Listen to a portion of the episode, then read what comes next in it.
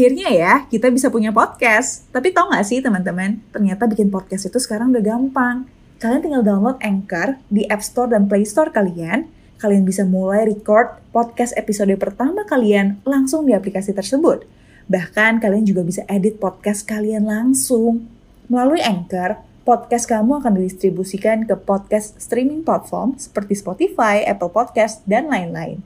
Dan yang pasti gratis. Yuk download aplikasi Anchor di apps dan Play Store kalian atau kunjungi www.anchor.fm. Selamat bikin podcast. Hey, welcome back. Semoga belum bosan ya cerita-cerita sama aku.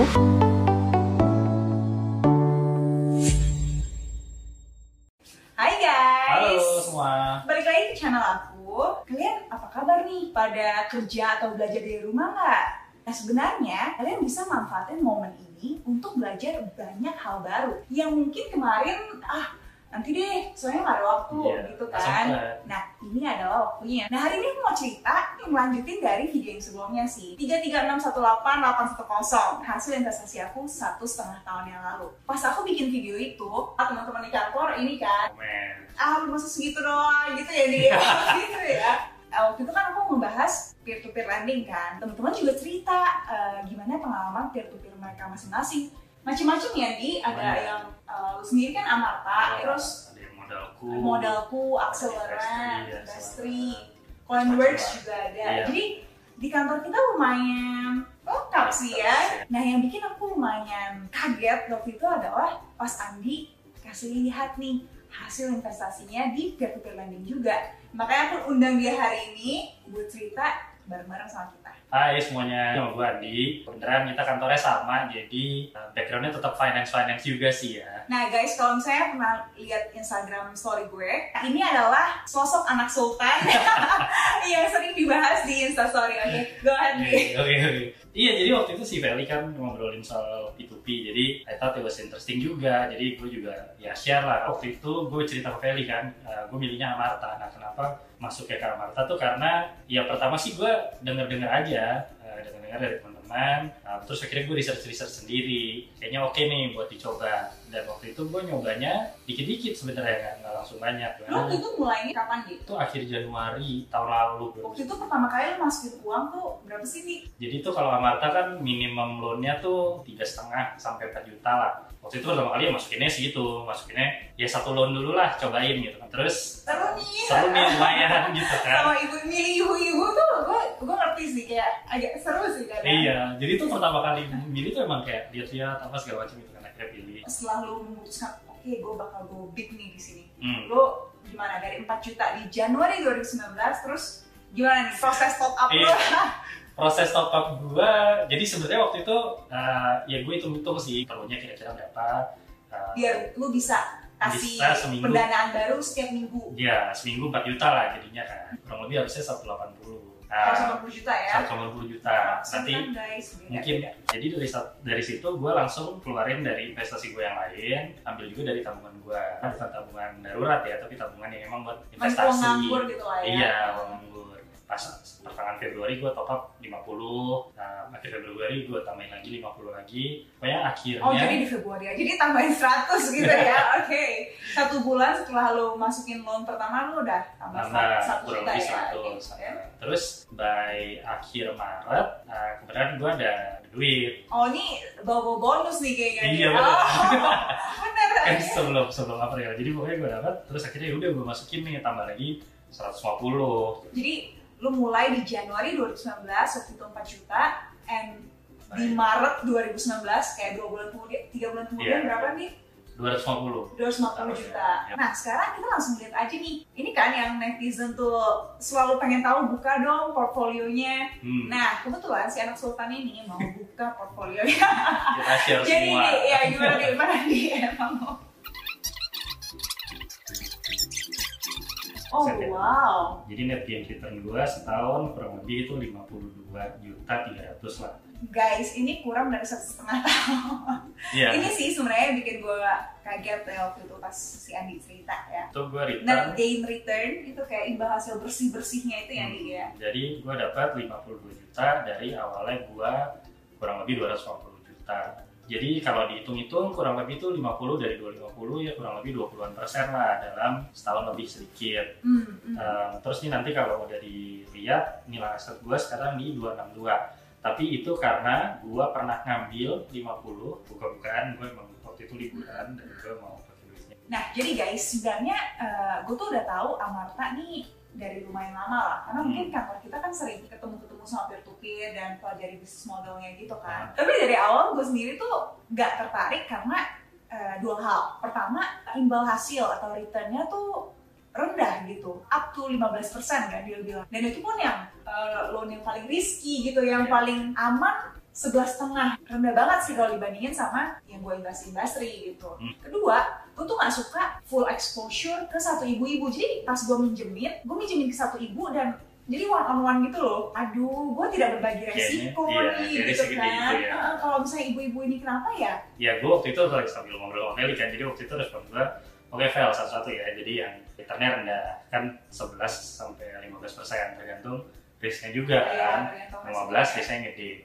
Terus gue bilang ke Feli, iya sih Vel, sebenarnya ini headline rate-nya tuh 11% pasti di bawahnya yang di peer-to-peer yang lain, karena mereka headline rate-nya udah 20 persen. Nah itu di situ gue juga bilang, tapi gue tuh sadar kalau itu tuh bisa di-invest setiap minggu. Jadi emang headline rate-nya 11 persen. Gimana nih? Maksudnya bisa di reinvest setiap minggunya karena Ada uh, cash flow dari si ibu-ibu itu. Nah ini juga yang akhirnya gue baru sadar bedanya Amarta dengan yang lain adalah ibu-ibu ini balikin misalnya kayak ngangsur setiap Iya, kayak cicilan gitu Iya, setiap nyicil minggu. setiap minggu Oh. gitu. Eh, pokok sama imbal hasilnya. Mm-mm. Oh jadi setiap minggu ada uang yang masuk, ada cash flow yang Iya. masuk. Oh ini beda nih cara mikirnya. Nah. gitu. Terus gimana nih? Nah itu kan makanya tadi balik ke rate uh, di depannya 11% tapi ada juga yang namanya effective rate. Jadi sebenarnya yang 11 sampai 15 persen tuh flat rate ya. Nah flat rate Nah sebenarnya yang perlu kita consider, yang perlu kita pertimbangkan adalah namanya si effective rate itu. effective rate itu karena kita asumsinya bisa reinvest terus Iya. nih uangnya. Biasanya kalau flat ke efektif tuh dikali dua gitu ya dia. Iya, nah makanya ter- tergantung juga kita bisa investnya berapa gitu. Intinya sih semakin cepat kita bisa reinvest nih uang angsuran dari ibu-ibu setiap minggunya itu semakin tinggi Si effective effective tadi. rate kita Iya. itu. Nah yang nomor dua tentang si ibu-ibu. Jadi uh, Gimana nih ibu-ibunya nih? sebenarnya- master ibu-ibu nih. Kalau mungkin dari bigger perspektif nih, di hmm, kayak kenapa sih lu memilih untuk minjemin ke ibu-ibu? hmm, Padahal di peer-to-peer lending ini ada yang minjemin ke perusahaan gitu. Apakah lu Hmm. melihat ibu-ibu ini lebih low risk gitu daripada Hmm. perusahaan? sebenarnya dibilang low risk enggak juga. Sektornya beda ya. Satu corporate, satu bisa dibilang ini kan Super micro. super kan? micro gitu kan super micro loan di micro ini sebenarnya risknya nggak segede itu juga tergantung mereka di bisnis apa dan kedua ada unsur buat ini juga sih sebenarnya istilahnya memberdayakan gitu tapi basically Ini social investing. Nah oke guys, sekarang kita mau ngebahas nih gimana sih cara kita pilih loan atau pendanaan atau ibu, Hmm. pilih ibu-ibu yang mana nih ya di platformnya Marta. Akhirnya ya, kita bisa punya podcast. Tapi tau gak sih teman-teman, ternyata bikin podcast itu sekarang udah gampang. Kalian tinggal download Anchor di App Store dan Play Store kalian. Kalian bisa mulai record podcast episode pertama kalian langsung di aplikasi tersebut. Bahkan kalian juga bisa edit podcast kalian langsung. Melalui Anchor, podcast kamu akan didistribusikan ke podcast streaming platform seperti Spotify, Apple Podcast, dan lain-lain. Dan yang pasti gratis. Yuk download aplikasi Anchor di apps dan Play Store kalian atau kunjungi www.anchor.fm. Selamat bikin podcast. nah ini kan kita ke home screen nah terus kalau kita memilih itu harus di yang marketplace, Marketplace. Saya nih kan ada Ibu Nori Cornolia nih dia tuh Hmm, pinjam modal dagang kue. Skornya A minus. yup. Eh, dia kan berarti sektornya perdagangan Oh berarti pertama kita harus filter sektornya dulu ya. Hmm. Nah kalau sektor eh, biasanya lu tuh sektor apa aja nih? Nah, kalau gue sih, gue suka itu perdagangan. Terus gue agak menghindari ya kayak peter- pertanian sama peternakan. Bukan gue nggak suka gimana ya, tapi kalau pertanian peternakan tuh ada unsur resiko dari uh, Cuaca. cuaca atau ada penyakit atau ada apa gitu kan sebenarnya. yang nggak bisa dikontrol kita Iya. dan ibu-ibunya gitu ya. Mm-mm. jadi kalau menurut gue itu agak lebih risky. Kalau ini industri rumah tangga dan jasa gitu, oke itu oke juga sih sebenarnya mungkin kalau emang boleh milih gue perdagangan dulu, baru industri rumah tangga, which is sebenarnya mirip juga perdagangan juga, terus baru jasa. Nah setelah pilih sektor, lu uh, pilih apa lagi nih tadi nih? Uh, Credit rating ya? Iya, jadi credit rating atau score ratingnya itu. Skornya, ha. Nah di situ sebenarnya risknya lebih kelihatan lah maunya di uh, A atau A minus, dan itu juga nentuin timbal baliknya. Nah ini yang aku lihat beda sih sama peer to peer yang lain dan yang udah aku coba ya.